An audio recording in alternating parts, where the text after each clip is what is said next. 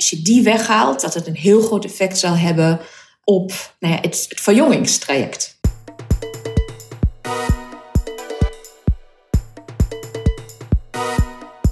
Professor Andrea Meijer is hoogleraar aan de VU in Amsterdam en de University van Melbourne in Australië. In dit gesprek hebben we het over ontwikkelingen in de wetenschap en technologie, maar ook wat je zelf kan doen om gezond oud te worden. Dat is namelijk het onderwerp van dit gesprek. Uh, noem het anti-aging, noem het langer leven onderzoek, noem het het tegengaan van veroudering of longevity. We gaan het echt hebben over veroudering. En zij is ook expert op dit gebied. Uh, behalve haar rol als uh, hoogleraar is zij ook auteur van het boek Eeuwig Houdbaar. Dat gaat over onderzoek naar veroudering en manier om dit te vertragen. De show notes kun je net als altijd vinden op biohackingimpact.nl. En de lezingen waar je mij kan zien, openbaar tenminste, want ik word vaker ingehuurd door bedrijven en organisaties om wat te vertellen voor hun klanten of voor medewerkers. Maar af en toe geef ik ook openbare lezingen. Dat kan zijn op festivals of ook op gratis uh, toegankelijke meetups. Uh, dat is uh, vandaag, 13 mei, de Quantified Self Meetup in Eindhoven. Op 25 mei kun je mij horen op het Sound of Science Festival in Mortsel. Dat ligt in Antwerpen, bij Antwerpen in België. En op 10 september op de Tech Tuesday in Utrecht. Nou, wil je daar precies allemaal kunnen nalezen en wil je ook de linkjes vinden naar al die evenementen? Ga, je dan inschrijven voor mijn nieuwsbrief? Ga daarvoor naar biohackingnieuws.nl. In de nieuwsbrief deel ik eigenlijk al mijn um, duiding van de gebeurtenissen op het gebied van biohacking in de afgelopen maand. Uh, ook persoonlijke experimenten waar ik zelf mee bezig ben. En daarin dus ook de linkjes naar de openbare lezingen die ik geef, dus die ik net heb genoemd. En tot slot ga ook naar mijn boek. Uh, daarin is ook een onderdeel in het boek gaat over veroudering, eigenlijk het thema van deze podcast. Als je meer wil weten over mijn boek, ga dan naar biohackingboek.nl. En daar kun je mijn boek met de term biohacking en ondertitel De toekomst van de maakbare mens. Dan kun je daar meer informatie over lezen en kun je hem ook bestellen. Dus ga naar biohackingboek.nl. Uh, Andrea Meijer, ik las een stuk over jou en er stond in uh, de wetenschapper die een ster werd. Zie je jezelf als een ster? Wauw, waar is dat gepubliceerd? Uh, een stuk in de correspondent. was wow. een paar maanden na jouw optreden, of dat je te gast was bij Zomergasten. dat was in 2016 of 2017, geloof ik. Ja. Daar werd dat in ieder geval genoemd. Zie, maar je ziet jezelf niet zo, begrijp ik. Uh, nee, ik zie mij niet als een ster. Ik vind wel waanzinnig wat ik mag doen. Dus ik vind het wel. Ik vind dat ik een ontzettend bevoorrecht leven heb. Dat ik gewoon mag reizen. Dat ik de dingen mag doen die ik graag wil doen. En dat het eigenlijk niet als werk voelt. En ja, als dat nog goed overkomt, is het natuurlijk helemaal goed. Ja, ja, precies. En um, uh, ik heb uh, zelf ook wat artikelen geschreven over veroudering. En de vraag die ik meestal krijg is van wat neem je zelf? En dus mijn vraag aan jou is, wat doe je zelf om eigenlijk uh, ja, veroudering te vertragen, misschien zelf om te draaien? Uh, heel weinig, maar ik denk heel veel, omdat ik er dagelijks mee bezig ben. Dus ja. ik probeer um, vaker te sporten. Je hoort al enige twijfel, maar ik sport regelmatig. Um, ik heb denk ik een supergoed dieet. Um, dus ik weet wat ik eet. Uh, ik probeer op gewicht te blijven. Um, mijn slaaphygiëne moet beter. Um, dat komt door het vele reizen, dat het nogal minder uh, regelmatig is. Ik neem geen medicatie als je daarop uh, gaat wijzen. En ik denk dat ik het leven heel erg positief zie. Wat heel erg belangrijk is, weten wij, voor een lang leven. Ja. Dus ik zie de kansen um, en die grijp ik en uh, krijg daar heel veel energie van. Ja, ik wou zeggen, want slaap is natuurlijk wel heel belangrijk ook voor je gezondheid en veroudering. Maar hoe, je hebt regelmatig jetlags, denk ik, want je bent um, hoogleraar hier aan de VU in Amsterdam, waar we het interview opnemen, maar ook in Melbourne, Melbourne ja. Australië. Um, en hoe ziet, hoe ziet zo'n maand eruit voor jou? Ben je, ga je, je bent niet om de elke week hier, elke week daar, neem ik aan, nee, of wel? Ik reis om de uh, zes weken, maar dat is nooit regelmatig, omdat er altijd iets tussen komt. Dus ik probeer um, zes keer in Europa te zijn. Um, dus hoe ziet mijn maand eruit? Ik uh, werk als ziekenhuisdirecteur van een, van een groot deel van, van, een, uh, van een ziekenhuis. Dus ik moet daar mijn mensen gaan managen, mijn duizend man. Um, dus ik moet echt in Melbourne zijn, tenminste twee, tweeënhalve weken per, per maand, omdat anders gaat dat niet, niet goed. En de rest um, zit ik op conferenties of in, in werkgroepen in verschillende landen. Dus ik vlieg heel veel om de wetenschap uh, vooruit te brengen. Dus um, meestal ben ik zeker in een, een week per maand op, op reis. En, um, um, dus ik ken hotelkamers. en de rest zit ik meestal in het ziekenhuis met mijn onderzoeksgroep om, ja, om die te begeleiden. Ja, je hebt geneeskunde gestudeerd, uh, toen interne geneeskunde, als ik goed begrijp. Ja. Waar was er een moment dat je dacht van uh, um, verouderingsgeneeskunde, gerontologie, als ik goed uitspreek? Dat vind ik interessant. Uh, dat kwam heel erg vroeg. Um, eigenlijk toen ik uh, geneeskunde studeerde in China, toen dacht ik, goh, uh, is er nog iets anders dan gewoon de gewone paden? Um, ik had altijd de ambitie om chirurg te worden. Ik dacht, nou, snijden is heel goed, dat kan ik. Um, ik heb een goed vingergevoel en uh, nou, dan maak je mensen beter. Maar ik vond dat ontzettend repetitief. Um, het werd heel erg inzijdig uh, toen ik als student gewoon op de OK-kamer werkte. En toen dacht ik, oké, waar weten we eigenlijk helemaal niets over? En dat is over het oud zijn of het ouder worden. En zo ben ik in contact getreden met uh, professor Joris Laats in Groningen. En um, ik heb denk ik hem een groot gedeelte van mijn uh, carrière te verdanken, omdat hij mij toen geleid heeft um, ja, op het juiste pad. En vervolgens heb ik uh, professor Rudy Westendorp leren kennen is denk ik de tweede belangrijke persoon om mij op het goede pad uh, te leiden. En zo ben ik de interne geneeskunde te gaan doen en dan de subspecialisatie oudere geneeskunde. Um, het mooiste vak uh, met de, denk ik, grootste ambitie voor de toekomst. Ja, en waarom is er tot nu toe. Um, ik heb bijvoorbeeld ook Aubrey de Grey geïnterviewd. Ja. En die is heel erg ook bezig om fondsen te werven en eigenlijk aandacht te krijgen voor het onderzoek naar veroudering. Uh, maar waarom is dat er relatief weinig? Nou, omdat wij een heel jong vak zijn. Um, als je kijkt naar de oncologie of je kijkt naar um, de endocrinologie of je kijkt naar andere grote vakgebieden, die zijn al, die zijn al 100 jaar bezig. En de ouderengeneeskunde of de geriatrie uh, is eigenlijk um, ook al lang bezig, maar het verouderingsonderzoek, de grondologie, is eigenlijk pas sinds 10, 20 jaar echt een booming business. En je hebt tijd nodig om um, mensen daarvoor te, um, bewust te maken dat, het, dat, wij, dat wij ouder worden en dat wij daar iets zouden er, tegen zouden kunnen doen. En dat, dat heeft gewoon tijd nodig. En um, goh, de afgelopen tien jaar is er zoveel gebeurd. En er worden steeds meer interviews uh, gegeven. Er wordt steeds meer aandacht gevraagd die aandacht leidt tot um, fondsen die zich interesseren om hierin te investeren. Er zijn bedrijven uh, die nu geïnteresseerd raken. En uh, ja, dat heeft tijd nodig. Ik zou niet willen. Ik weet dat OBD Ray is, relatief negatief um, over de ontwikkeling. Ik zou zeggen, nou, wat ik in de afgelopen 10, 15 jaar heb meegemaakt, is mega. Er zijn grote ontwikkelingen um, en het gaat heel rap. Dus nee, je ziet weer, ik zie het toch wel positiever ja. dan sommige collega's van mij. Ja, en wat is je doel? On onsterfelijkheid? Of? Absoluut niet. Um, en ik weet dat Aubrey de Grey, um, dus een beroemde uh, onderzoeker uh, in het veld, um, absoluut voor de onsterfelijkheid uh, wil gaan. waar ik voor wil strijden en wat ik dagelijks doe, is hoe kunnen wij ervoor zorgen dat als wij ouder worden, zonder ziekte ouder worden.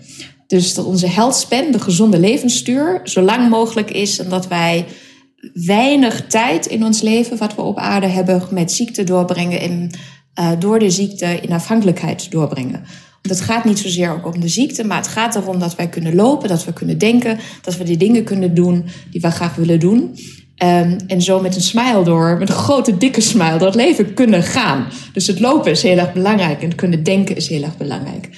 Um, en als ik dat zou kunnen uitstellen en dus de gezonde levensduur zou kunnen verlengen, dan uh, ben ik uh, blij. Ja. En of het 80 jaar is, 60 jaar, 40 jaar of 2000, maakt mij niet zo heel veel uit. Maar ik wil weg van de huidige geneeskunde, waarbij we toch altijd eigenlijk te laat zijn om uh, dingen te repareren die wij niet kunnen repareren. En um, toch met ziekte het ziekenhuis verlaten. Mm, ja, en daarom zeg je ook, daarom vind je het ook belangrijk dat veroudering als een ziekte wordt gezien.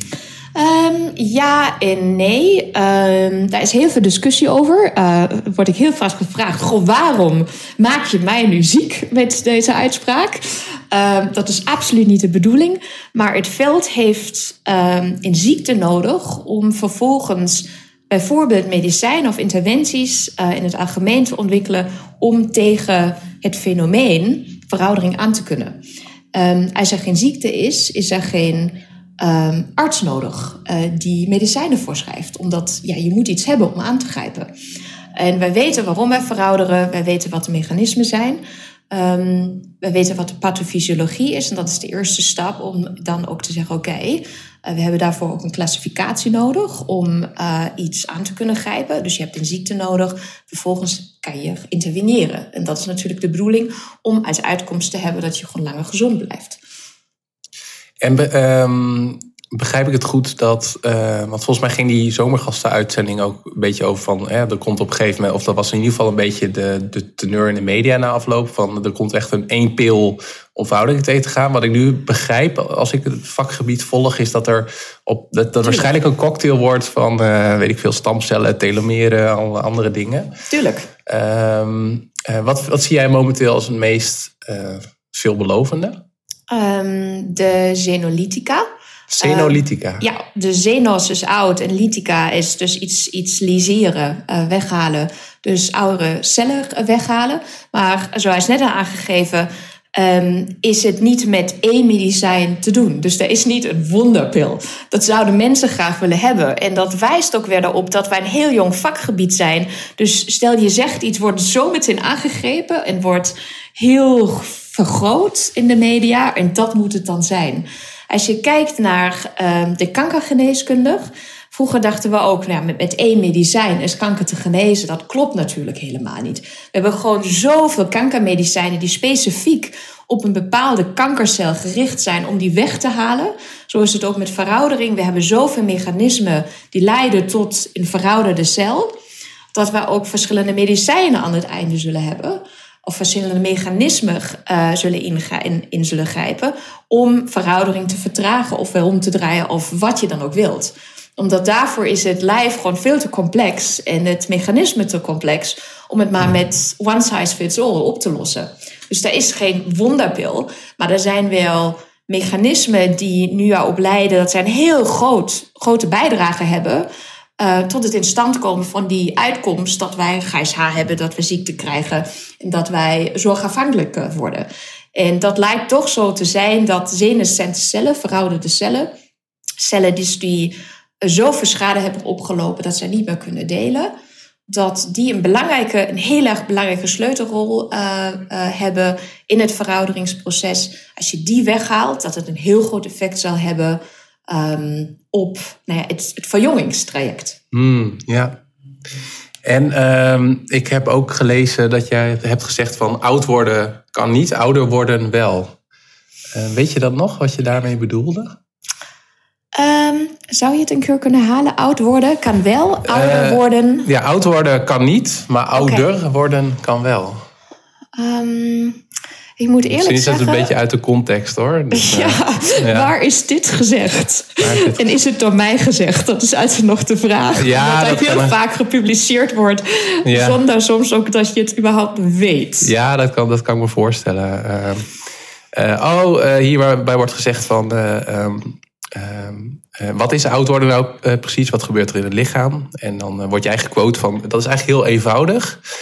Maar je wil eerst wat rechtzetten. Oud worden kan niet, ouder worden wel. dan zeg je nou, de term oud verschilt per cultuur en ook per vakgebied. Ah, ja, maar dat was een, um, een, een, een sociologisch bijna ingestoken interview. Mm. En het gaat erover wie is oud en wat is de definitie van oud? Dat was toen de vraag ja. in, het, in het interview. Um, omdat er heel verschillend over het oud zijn wordt nagedacht. En zelfs als je verschillende mensen in een verschillende context in, de, in Nederland vraagt wat is oud, krijg je verschillende antwoorden.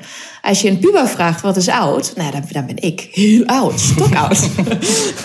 als je mij vraagt wat is oud, dan heb ik een, een, een, een, andere mening daarover of een ander gevoel erover. Mm. Ehm, dus het gaat over het, het in mijn vakgebied over het ouder worden en niet zozeer wat is oud, omdat het context bepalend is en afhankelijk is. Ja, en ook per vakgebied vond ik ook wel interessant, want uh, is het dan zo dat, dat mijn hart op een ander sneller of langzamer oud wordt dan mijn alvleesklier, dan mijn longen? Ja, ja maar, maar ook zelf binnen de geneeskunde, denk ik, als je artsen vraagt wat is oud, krijg je verschillende antwoorden. En dat is waarschijnlijk op basis van wat hun cliënteel is, welke mensen zijn zien, maar ook wanneer je nog kunt ingrijpen. Ik weet nog, um, toen ik geneeskundestudent was, had ik een conversatie met een cardioloog, een hartspecialist, en die zei: Ja, maar die 70-jarigen, die zijn oud. Ik dacht, hmm, dat is wel een bijzondere opmerking. Um, omdat heel vaak gewoon op hele oude leeftijd niet meer goed geïnterveneerd kan worden. Daar hebben wij geen goede therapie voor hartziekte bijvoorbeeld. Dus um, oud is gewoon ook in de geneeskunde heel erg afhankelijk van, denk ik, wat je zou kunnen doen. Um, dus om terug te komen, wat is ouder worden in het lichaam en hoe oud is ons lichaam en is er nog een verschil in het lichaam? Dus veroudert ons hart sneller dan het brein, dan de longen en de, de botten en onze huid. Um, dat weten wij eigenlijk niet heel goed. Oh. En dat is wel bijzonder. Uh, en daar doen wij op dit moment een Melbourne onderzoek naar. Omdat het is natuurlijk heel erg belangrijk om te weten... Goh, veroudert ons lichaam op dezelfde manier en dezelfde snelheid? De pace of aging, is dat hetzelfde in de nieren en het brein... Um, en met name binnen een individu. Dus als ik naar jou kijk of naar mij kijk, uh, is dan mijn hart, dus heeft mijn hart dezelfde biologische leeftijd uh, mijn hart is 40, uh, eh, maar mogelijkerwijs is mijn hart biologisch wel 36 of mijn brein is 42, ik weet het niet. Dus daar hebben we eigenlijk geen grip op. Wij weten het niet omdat het heel moeilijk is om binnen één mens overal hapjes te nemen om te zien hoe oud is het orgaan werkelijk waar. We kunnen wel aan de buitenkant zien hoe oud het is en wij kunnen uh, functietesten doen om te toetsen hoe goed het functioneert. Maar we weten niet heel goed als we binnen een cel kijken, binnen een orgaan van één mens, hoe het verouderingsproces daar in elkaar steekt. En of er mogelijkerwijs wel verschillende verouderingsprocessen binnen een mens uh, op een hele andere manier plaatsvindt. Mm. Dus is er um, iets aan de hand met mijn telomeren in het brein? Of met de mitochondriën, dat zijn kleine kerncentraatjes die uh, energie produceren in mijn nieren. En mogelijkerwijs heeft mijn spier last van uh, de synthese, dus de productie van proteïne. Geen idee. Mm. En dat is zo spannend. Ja. En uh, je noemde net telomeren. Uh, telomeren, als ik goed begrijp, zijn een beetje zoals de uiteinden van veters, wordt vaak de vergelijking mee gemaakt. En elke keer als je cel deelt, uh, tot aan de Heeflik-limiet, als ik me goed herinner, uh, gaat er een stukje vanaf. Dus op een gegeven moment is dat, uh, heb je die schade en dan, dan veroorzaakt dat allemaal, allemaal gedoe. Waar ik wel heel benieuwd naar ben, want ik hoor daar verschillende visies en antwoorden op.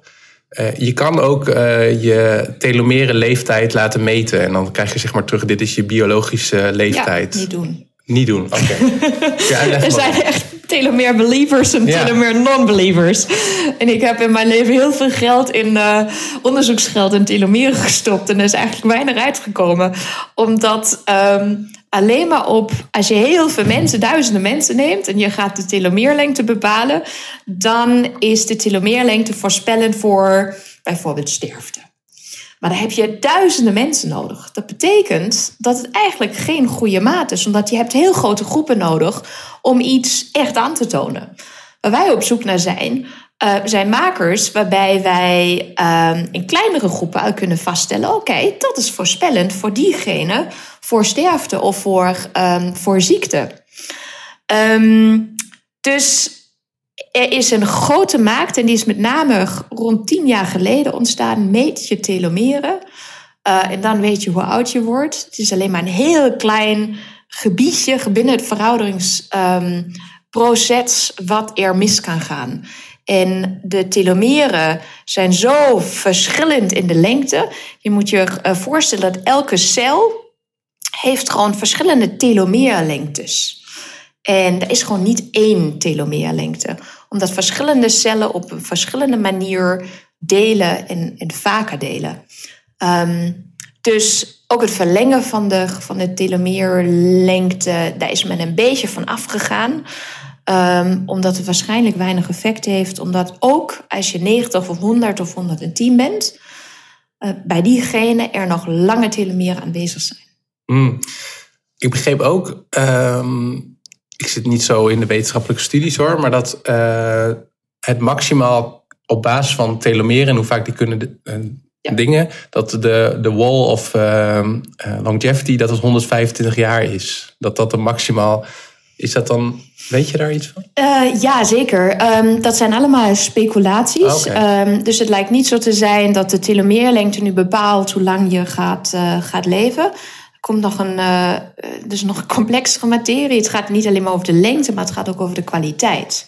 Dus je kan nog zo lange telomeren hebben, maar als die het niet doen mm. um, en als die schade hebben opgelopen, dus gewoon een stukje DNA, en als daar, daar iets is gebeurd, nou, dan gaat een cel ook niet delen.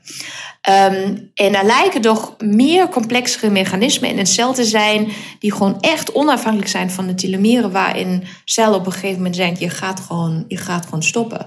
En er zijn ook bij heel oude mensen, de centenarians noemen wij dat 100-jarigen, 100-plussers, zien wij in die stamcellen gewoon lange telomeren. En die kunnen telomeren gewoon nog aanmaken. Dus dat lijkt niet het beperkende, de beperkende factor te zijn om te moeten te gaan overlijden. Nee.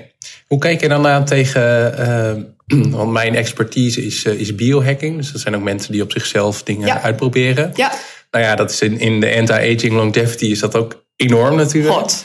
Uh, en Liz Paris, die ken je denk ik ook wel, die heeft een, ja. uh, geclaimd dat zij een gentherapie heeft gedaan om ja. haar telomeren te verlengen. Toen zei ze, nou, ik ben ja. veel, uh, veel jonger geworden. Hoe kijk je daar dan naar? Ehm, niet. kijk, het zijn, en dus in, qua theorie klopt het natuurlijk, maar um, de telomeerverkorting is alleen maar één klein mechanisme wat leidt tot veroudering betekent als je lange telomeren hebt, maar je mitochondriën doen het niet, of uh, de rest van je DNA is, uh, heeft schade opgelopen, ja, dan, dan brengen jouw lange telomeren niet, niet verder.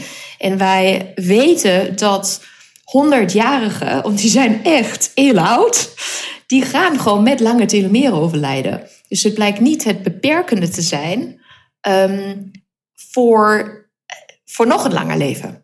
Of mm. voor, voor de sterfte. Of je nu een positief of negatief verhaal uh, wil doen. Dus het, het is één mechanisme, maar het is absoluut de heilige graal uh, die wij zien. Omdat um, er veel meer mechanismen, nog belangrijkere mechanismen in een cel um, uh, er zijn om een cel niet te laten functioneren. En um, Jij, rei, is, je reist natuurlijk veel voor je werk, wat je net vertelde. En uh, zie je dan ook, uh, want ook bekend in dit veld zijn de blue zones. Mm -hmm. uh, ja, zie je een verschil tussen je patiëntenpopulatie in Amsterdam en Australië? Of eh, kun je wat, eh, als je die blue zones, kun je daar wat over vertellen? Uh, zeker. Dus de blue zones zijn um, gebieden waar mensen heel oud worden.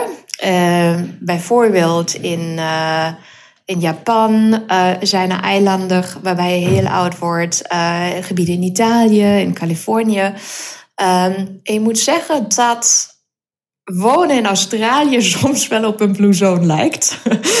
het, is, um, het is een andere cultuur. Het is ontzettend relaxed. Um, mensen hebben uh, weinig... Een heel andere soort van stress is er. Mensen lopen ook dragen op de straat. Dat is heel bijzonder. Um, maar goed, Australië is geen, geen officiële blue zone. Maar uh, mensen leven wel veel langer in Australië ten opzichte van, van Nederland. Um, dus dat is wel bijzonder. En natuurlijk zie ik verschillen in, um, in patiëntenpopulaties. Dus als ik mijn witte jas aantrek, ik ben arts, dan, dan zie ik verschillen in de patiënten die ik zie.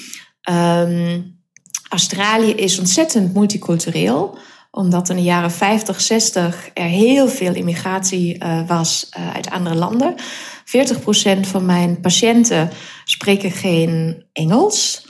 Um, dus dat is soms werken met handen en met voeten en um, met een beetje, Italiaans wat je kunt en uh, het, Grieks.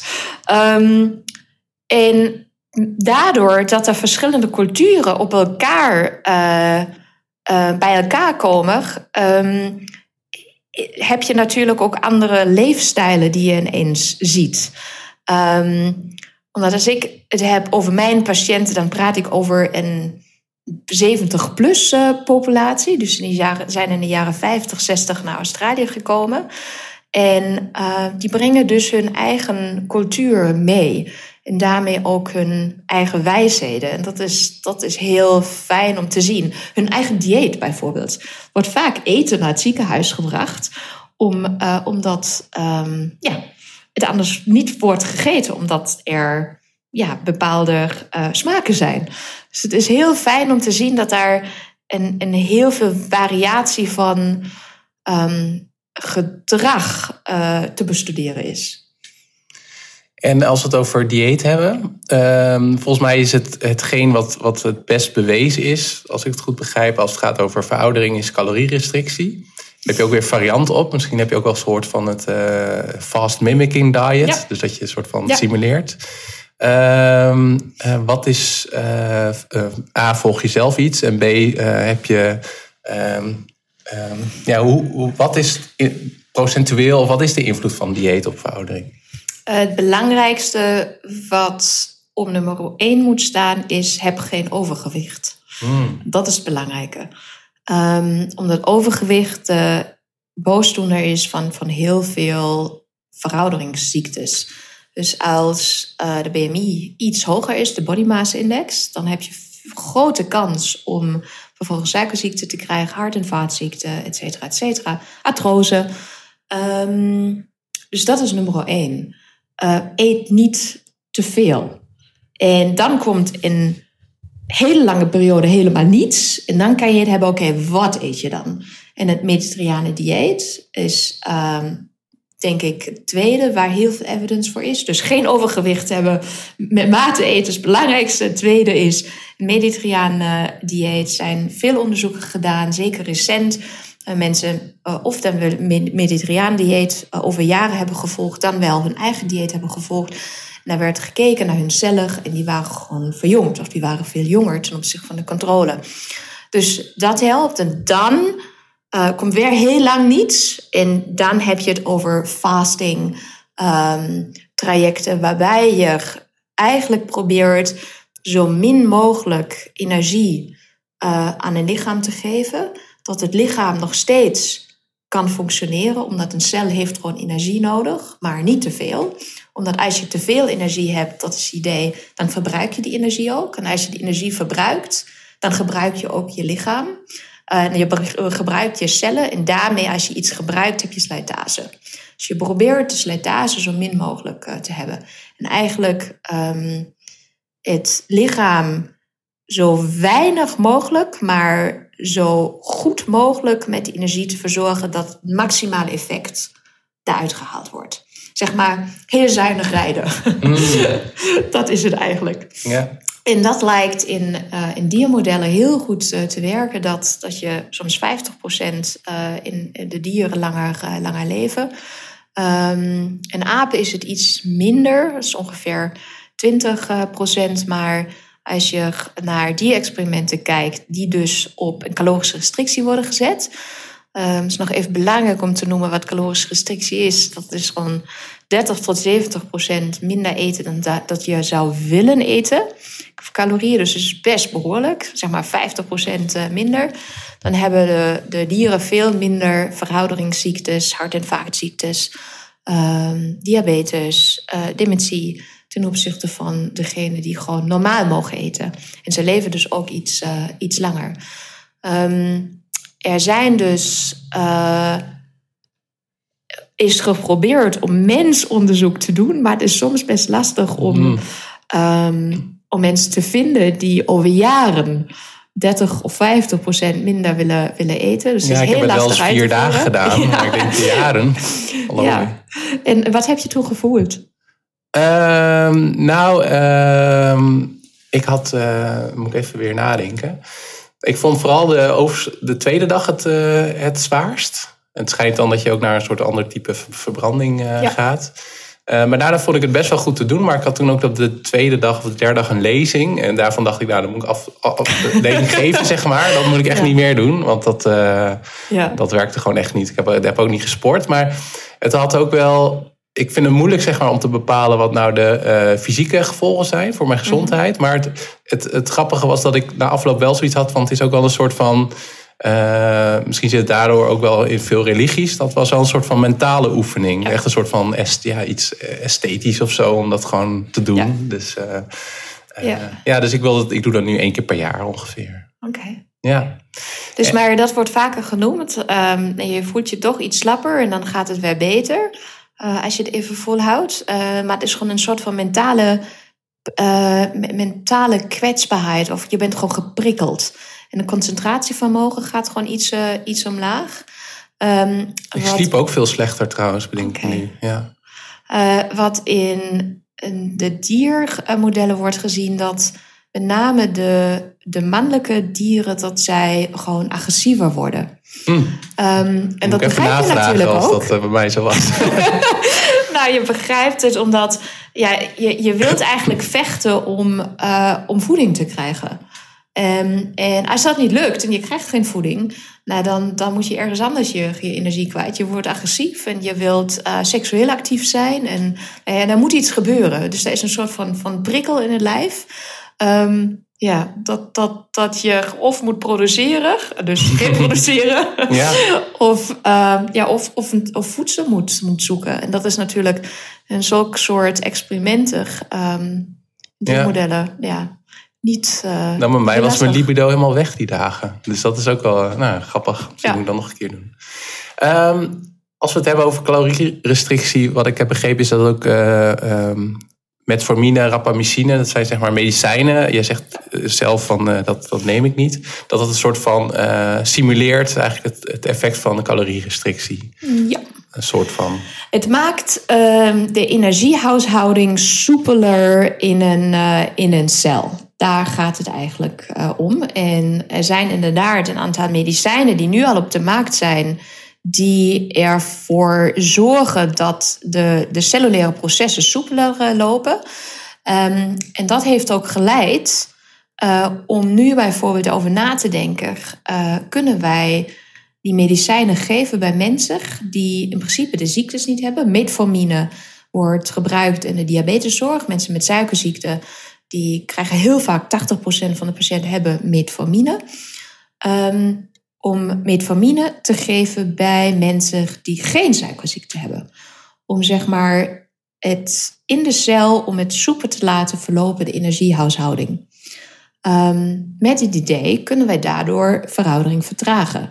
En er zijn eh, kleine ehm, experimenten gedaan. ehm, en ook relatief grote studies, maar dan bij relatief zieke mensen die metformine hebben gekregen. Om te zien, kan je geheugen ver- ge- verbeteren? Kan je functioneren verbeteren? En er is één grote studie ehm, die nu in de, in de maak is in Amerika. ehm, om metformine gewoon aan een heel grote massa mensen, duizenden, te geven om te zien of op lange termijn, als je metformine gebruikt, je daardoor ook een verjongingseffect uh, krijgt. En neem je zelf, dat, je hebt al gezegd van dat neem ik niet. Neem je wel bepaalde supplementen? Dus, uh, vitamine D of uh, visolie? Uh, nee, uh, ik eet gewoon heel erg gevarieerd en goed. En um, soms moet ik me even herinneren dat vitamine D slikken best goed is. En zeker in de, uh, in de winter. Als er geen zonstraling is, omdat je hebt echt vitamine D nodig voor elke celdeling. Dus je, vitamine D is super belangrijk. Um, en zeker voor alle Nederlanders en uh, Europeanen, die hebben gewoon vitamine D suppletie nodig in de, in de winter. Um, ik moet mij daar ook altijd aan herinneren. Maar ik probeer de winter te, eh, te vermijden. Omdat ik natuurlijk uh, kan kiezen tussen de winter en de zomer. Um, in Melbourne en Amsterdam uh, probeer ik de, de zon op te zoeken. Ja, precies. Ja, dat is eigenlijk nog beter. Hè? Want dan neemt je lichaam nog beter op. Uh, of produceert het nog beter. En we hebben het natuurlijk al gehad over telomeren en metformine, rapamycine. Een andere um, zeg dat? thema wat vaak opkomt als het over veroudering gaat, zijn stamcellen. Um, uh, ook therapieën met stamcellen. Dus je, uh, hoe, uh, ja, hoe kijk je daarnaar? Nou, stamcellen is, een, is echt een super slimme soort cel. Wat een stamcel heeft, is dat die in principe, in principe oneindig kan delen. Um, en dat is natuurlijk heel erg knap. Dat wij in het lichaam een soort van uh, reservecel hebben. Die dus in principe uh, alles kan produceren. Um, dus wij zien in de afgelopen tien jaar dat elk orgaan in principe een stamcel wel ergens uh, heeft. Um, dus een soort van reserve paradijs is voor dat orgaan. En wij zien dat met de leeftijd, uh, dus met de jaren, je minder van deze stamcellen hebt. Maar ook op 90 en 100-jarige leeftijd heb je nog steeds stamcellen. We hebben bijvoorbeeld onderzoek gedaan naar, naar de spieren. Um, daar weten wij dat de satellietcel, de stamcel van de, van de spier is. Dus die ligt daar lekker um, en die wordt alleen maar actief als er bijvoorbeeld spierschade is uh, Een soort van reservebankje. Ja. ja, ja. en die, die moet even actief worden. Dus die is er. Um, en die is er ook op 100-jarige leeftijd en 90-jarige leeftijd. Die moet alleen maar even goed geprikkeld worden en dan, dan doet hij het weer. Dus wat er gebeurt op uh, oudere leeftijd of tijdens het verouderingstraject is dat één, je hebt minder stamcellen, uh, maar nog genoeg. Uh, dus overal, um, als we naar een orgaan kijken, zie je de stamcellen zitten. En het tweede is, zij doen het minder. Um, dus als zij in principe geprikkeld worden, dan moeten zij nog even nadenken: goh, ga ik nu wel um, mij delen of, of niet? Dus het is moeilijker om ze aan te zetten tot de juiste actie. En dat is waarschijnlijk zo omdat um, zij omgeven worden door ook relatief verouderde cellen. En die verouderde cellen, omdat die zijn natuurlijk ook 90 en 100, die geven niet meer de juiste prikkels af om die stamcel tot werking te zetten. Dus die stamcel is er, maar we moeten nu ervoor zorgen dat die stamcel het weer doet met de juiste, nou ja, met de juiste actie. Um, en daar is heel veel, er wordt heel veel onderzoek uh, naar gedaan. Hoe kunnen wij de stamcel die daar is weer activeren om um, nieuwe cellen, jonge cellen te gaan produceren? En daar wordt niet alleen maar dus naar de stamcel gekeken, maar ook naar de omgeving. Dus hoe kunnen we de omgeving verjongen dat de stamcel zich eigenlijk ontzettend lekker weer voelt in die omgeving en zegt: Yes, uh, dit is een feest, ik, uh, ik ga weer delen. Ja, dus je zou, uh, je hebt me al afgeraden om een telomeren te meten. Uh, wat ook rondom stamcellen heel erg in is, om het zo maar te zeggen, zijn uh, stamcelbanks. Dus dat je stamcellen kan opslaan. Ja. zeg je daarvan ook van nou, doe maar even niet? Of denk je van nou, misschien zit er wel wat ah, in? Dat, dat vind ik wel heel erg spannend. En dat is natuurlijk het idee, goh, je hebt ze wel in je eigen lichaam, maar je weet niet hoe het gaat met je eigen lichaam. Ga ik dan niet een soort van reservebank in een stikstofvat uh, uh, uh, leggen? Om, als ik het nodig heb, om daar weer op terug te grijpen. En dat is natuurlijk wel heel erg knap. Dus je wacht eigenlijk um, op de juiste therapie om ze vervolgens toe te kunnen passen in je eigen, eigen lijf. Um, ik, ik heb het zelf moet ik zeggen, nog niet gedaan of nog niet gedaan. Maar ik vind het wel uh, in, in zeker een super interessant idee dat jij eigenlijk al anticipeert op de mogelijkheden over 10 of 20 uh, jaar. Wat namelijk zo mooi is, mooi is, dat in principe als je een stamcel hebt, je de stamcel zodanig kunt beïnvloeden dat die stamcel helemaal teruggaat naar een soort van oerstamcel. Dus dat kunnen wij nu al in het laboratorium. En die oerstamcel, die dan uit jouw lichaam is, ehm, dat die dan kan differentiëren. Dus die kan eigenlijk alles maken, alle organen. Ehm, en dat noemen wij dedifferentiatie. Dus je hebt een soort van stamcellen, die halen we uit je bloed. Um, dus in principe kan zo'n bloedcel niet een hersencel worden. Dus die gaan we dedifferentiëren. Dus die gaan we weer een oerstamcel maken. En die oerstamcel kan dan in principe, kunnen wij nu nog niet, maar mogelijkerwijs wel over tien jaar, kan dan nou allerlei organen vormen. Mm. En dat is natuurlijk ontzettend knap. Dus dan kan je een soort van uh, reserveonderdeel magazijn uh, bouwen voor, voor jezelf.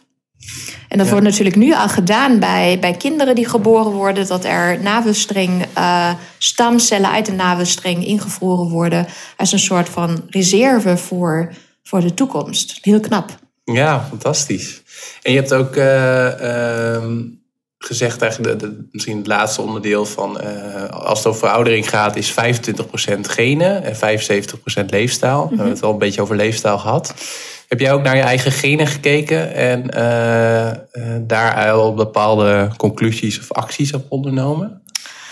Um, dat is bij mij helaas. Ik kom uit een superkort levend gezin.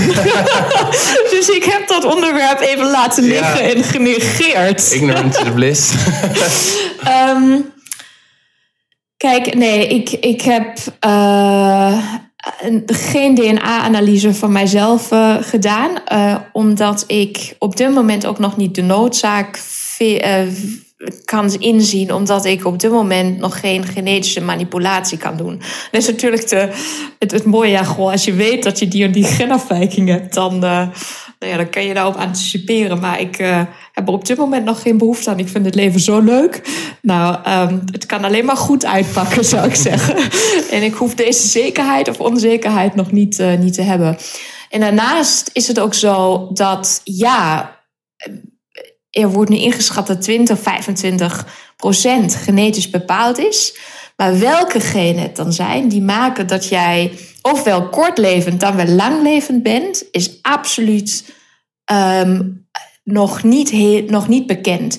Er zijn heel grote onderzoeken gedaan waarbij honderdduizenden mensen in zitten, waarbij hun hele genoom gescand is en vervolgens gekeken werd, goh, hebben zij op een bepaald plekje, nou ja, in een soort van positieve afwijking, dat, dat je langlevend bent, en dat is niet gevonden. Mm. Dus de, uh, de onderzoeken laten zien dat alleen maar één plekje gewoon anders is bij mensen die uh, langlevend zijn. En dat is uh, het ApoE-gen. En ApoE-gen is eigenlijk een ziektegen. En dat hebben zij dus juist niet. Dus het is niet een, een langlevendheidsgen, maar het is dus het niet hebben van een ziektegen. Mm. En dat maakt waarschijnlijk dat je langer leeft. Maar dat betekent dat we er absoluut nog niet zijn. Um, dus we hebben nog niet de complexe analyses kunnen doen um, wereldwijd om te zien, oké, okay, welke variaties van genen en welke combinaties moet je hebben om juist lang te leven. Ja. Dus ik ben nog even afwachtend. Ja, want lijkt, ja, dat wordt natuurlijk ook gedaan bij die uh, centenarians en super centenarians. Ja, ja, ja, maar daar komt het juist niet uit. Het is niet één gen wat je moet hebben. Uh, om vervolgens te implanteren bij iedereen om maar 100 jaar eh, te nee, worden. Nee, daarvoor is het genoom veel te complex. En daarvoor is er veel te complexe interactie ook tussen onze genen en ons gedrag. Um, omdat wij weten nu, je kunt wel een bepaald genpatroon hebben, maar als je gedrag um, ervoor zorgt dat die genen niet aangeschakeld worden om iets goeds te doen, nee, dan heb je er ook niks aan goede genen. Dus er lijkt nu een interactie te zijn tussen ons environment, ons gedrag en in de genen. Dat wordt epigenetica genoemd. Dus alles wat epi bovenop de, de genen ligt. Ja. Jij, uh, het onderzoek wat jij momenteel doet, of een van de onderzoeken, als ik goed uh, begreep, is ook dat je bijvoorbeeld kijkt naar wat, wat is nou de meest geschikte populatie om onderzoek te doen rondom veroudering. En ik weet nog de laatste keer dat we daarover spraken, dat ik zei van, oh, dat zijn of hele oude of hele jonge mensen, maar toen zei je van, juist niet. Nee, nee. Waarom is dat ook alweer? Ik vind op dit moment uh, heel erg interessant om te kijken bij mensen die rond de middelbare leeftijd zijn, waar je eigenlijk um, aan de buitenkant nog niet zo heel veel ziet uh, wie er nu echt ziekte heeft of krijgt en, en wie niet. Waar je nog functietesten moet doen, waar ze ze echt uit moet dagen om te laten zien hoe goed zij zijn. Om daar te zien wie loopt er nu eigenlijk risico over 10, 20 jaar. Uh, dus een afzienbare tijd om ziek te gaan worden. Um, en dat vind ik zo spannend, omdat als wij. En de ontwikkelingen zijn zo razendsnel als wij medicijnen, interventies ontwikkelen om veroudering af te remmen, is natuurlijk de vraag: goh, één, hoe ga je dat meten, veroudering afremmen? En wie ga je zo'n medicijn geven? En dan zou je natuurlijk logischerwijs willen starten bij degene die versneld verouderen. Um, maar dat moet je eerst even vaststellen. En wie is dan degene die versneld veroudert? En we hebben uh, door middel van um, onderzoek met heel veel data in Europa uh, en wereldwijd hebben wij gekeken, kunnen wij mensen op um, ehm, 60-jarige leeftijd identificeren die kans hebben, hoge kans hebben om over 10, 20 jaar zorgafhankelijk te zijn. Die 20 jaar geven ons de kans om nog interventies te doen. En op 60-jarige leeftijd wil je heel graag een interventie doen. Lijkt me als je weet dat het over 10, 20 jaar niet goed gaat. Dus daar is een, de juiste motivatie van de mensen. En omdat zij een afzienbare tijd uh, ermee te maken krijgen. En het is waarschijnlijk nog vroeg genoeg om te interveneren, om iets te doen. Dus wij hebben allerlei kenmerken van mensen vastgesteld op 60-jarige leeftijd. En hebben dus uh, vastgesteld dat 30% van de mannen en 35% van de vrouwen risico lopen. Heel hoog risico lopen, dus de risicogroep zijn om over 10 jaar zorgafhankelijk te zijn. En daar hebben wij de eerste lifestyle-interventies uh, op gedaan bij deze mensen. Om ze bijvoorbeeld nou ja, uh, meer te laten bewegen, et cetera. Dus we weten allemaal wat goed lifestyle is. Maar dat zou ook de groep zijn om bijvoorbeeld ja, medicijnen te, te testen. Mm. Proof of principle. Proof of principle, ja. Laatste inhoudelijke vraag. Uh, ik heb ook een keer lezing gegeven, of meerdere lezingen gegeven over veroudering. En ben bij lange na natuurlijk geen expert zoals jij. Maar dan ging het, uh, de reactie die ik ook kreeg is van, uh, ja, moeten we dat nou wel willen? En ja. uh, wel, welke kritiek hoor jij het meest? Oh, die. ik word er bijna moe van. Um, omdat deze kritiek, denk ik, niet goed doordacht is. En waarschijnlijk zeg ik dat als medicus. Omdat als deze kritiek waar zou zijn, moeten wij dit allemaal willen, dan zouden wij op dit moment nu, nu het ziekenhuis moeten sluiten. We zijn er zo mee bezig om mensen in leven te houden. Uh, op een manier waarbij ik denk, goh, dat, dat zou ook anders kunnen. We zijn heel erg uh, afwachtend. Wij wachten totdat de ziekte ontstaat. Als die ziekte er is, proberen wij ze te genezen. Uh, zonder dat wij het echt kunnen. dus we zijn de hele dag is de medische wereld ermee bezig ons in leven te houden en om de dood moeilijk te maken. Um, waarom ben je dan tegen een soort van evolutie binnen de geneeskunde of de medische wereld om dit juist te voorkomen? Um, en eigenlijk er tegen te zijn om, om, om ziektes um, uit te stellen. Dat is namelijk wat de, uh, wat de doet en, wil. Er zijn extremen die gewoon zeggen, en daar ben ik helemaal mee eens, waarom zou je het in godsnaam willen om niet te gaan overlijden? Waarom zouden we onsterfelijk moeten zijn? Dat is een kleine stroming. Een veel grotere stroming is gewoon, goh, laten we anders kijken naar de aftakeling van ons lijf. En hoe kunnen wij voorkomen dat wij ja, in, in motor hebben die het niet meer doet. Dat er um, mechanismen zijn in het lichaam die ervoor zorgen dat wij niet meer goed functioneren. Dat moet je gewoon voorkomen. Um, dus wat mij betreft gaan we de energie gewoon steken in, uh, in de preventie. Um, en niet uh, in, in het proberen te, te vervangen um, of het proberen te repareren. -hmm. Dus ja. Uh, ja, ik hoor het de, de hele tijd. Uh, moeten wij dit wel willen? Um, maar dan is mijn tegenvraag: moeten wij deze geneeskunde wel willen? Mm, ja. Ja, en aan de andere kant uh, hoor je, zie je natuurlijk ook vaak, volgens mij is dat in Japan zo, hè, dat bij ho hogere leeftijd, dat er ook lage geboortecijfers zijn. Dus dat, het ook niet, dat we niet vanuit onze huidige snelheid, zeg maar, en dan, dat we dan ouder worden, dat dat dan een probleem is. Ja. Is ouder worden een probleem? Uh, dat weet ik niet. Wij zorgen in de afgelopen 50 jaar ervoor om steeds maar ouder te worden. Nogmaals, het is het, uh, Rotterdam bijvoorbeeld heeft nu een polykliniek ingericht om een praatpolykliniek om te kijken, goh, moet je wel interventies nog willen? Dus we zijn nu zover dat er zoveel interventies en therapieën zijn, dat je eigenlijk het, het, uh, een boom en een bos niet meer ziet. Dat je gewoon nu een polykliniek moet hebben om te zeggen, goh, moeten wij mogelijkerwijs stoppen met iets? Dus we zijn ermee bezig om het leven te verlengen. Um, en dat is in, in in een radicale wending, denk ik, in de afgelopen 50 tot 100 jaar. 100 jaar geleden ging je aan een, een hartinfarct dood. Nu ga je niet meer aan een hartinfarct dood. Het is bijna medisch falen als jij nog aan een, als je 60 bent, aan een hartinfarct overlijdt. Ziekenhuizen worden daarop afgerekend als de sterftecijfers te hoog zijn voor bepaalde ziektes. Dus wij zetten alles, alles daarop om niet te gaan overlijden, om te proberen iets te genezen. Laat ons dat dan even anders doen. Omdat uh, waarschijnlijk heeft dat een beter effect op het well-being en, uh, en ook aan de financiële kant. Mm. Als mensen meer over jou willen weten, ik zal bij de show notes ook de, de, de link zetten naar zomergasten en het artikel ja. en jouw boek, Eeuwig Houdbaar, hebben we het helemaal niet over gehad. Maar volgens mij komen alle onderwerpen wel redelijk, redelijk terug. Um, waar kunnen ze jou vinden? Online, social media, et cetera? Uh, Twitter. Um,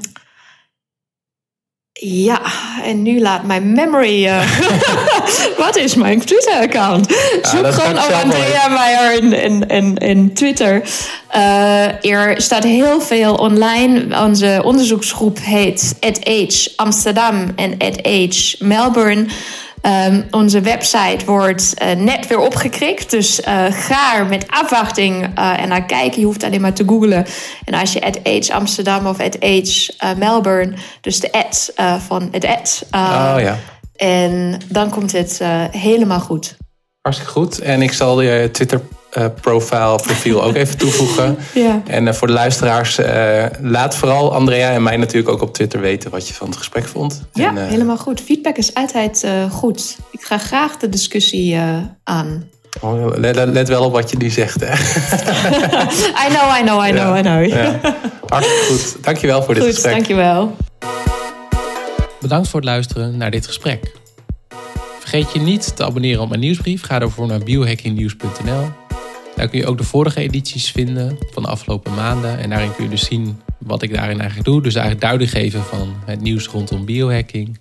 Persoonlijke experimenten die ik doe en ook linkjes naar de openbare evenementen waar ik spreek. Ga daarna ook naar biohackingboek.nl om mijn boek te bestellen. Biohacking, de toekomst van de maakbare mens. Als je meer wil weten over het onderwerp biohacking. En tot slot, mijn vraag voor jou voor deze keer is... Als je zou mogen kiezen, hoe oud zou je dan willen worden?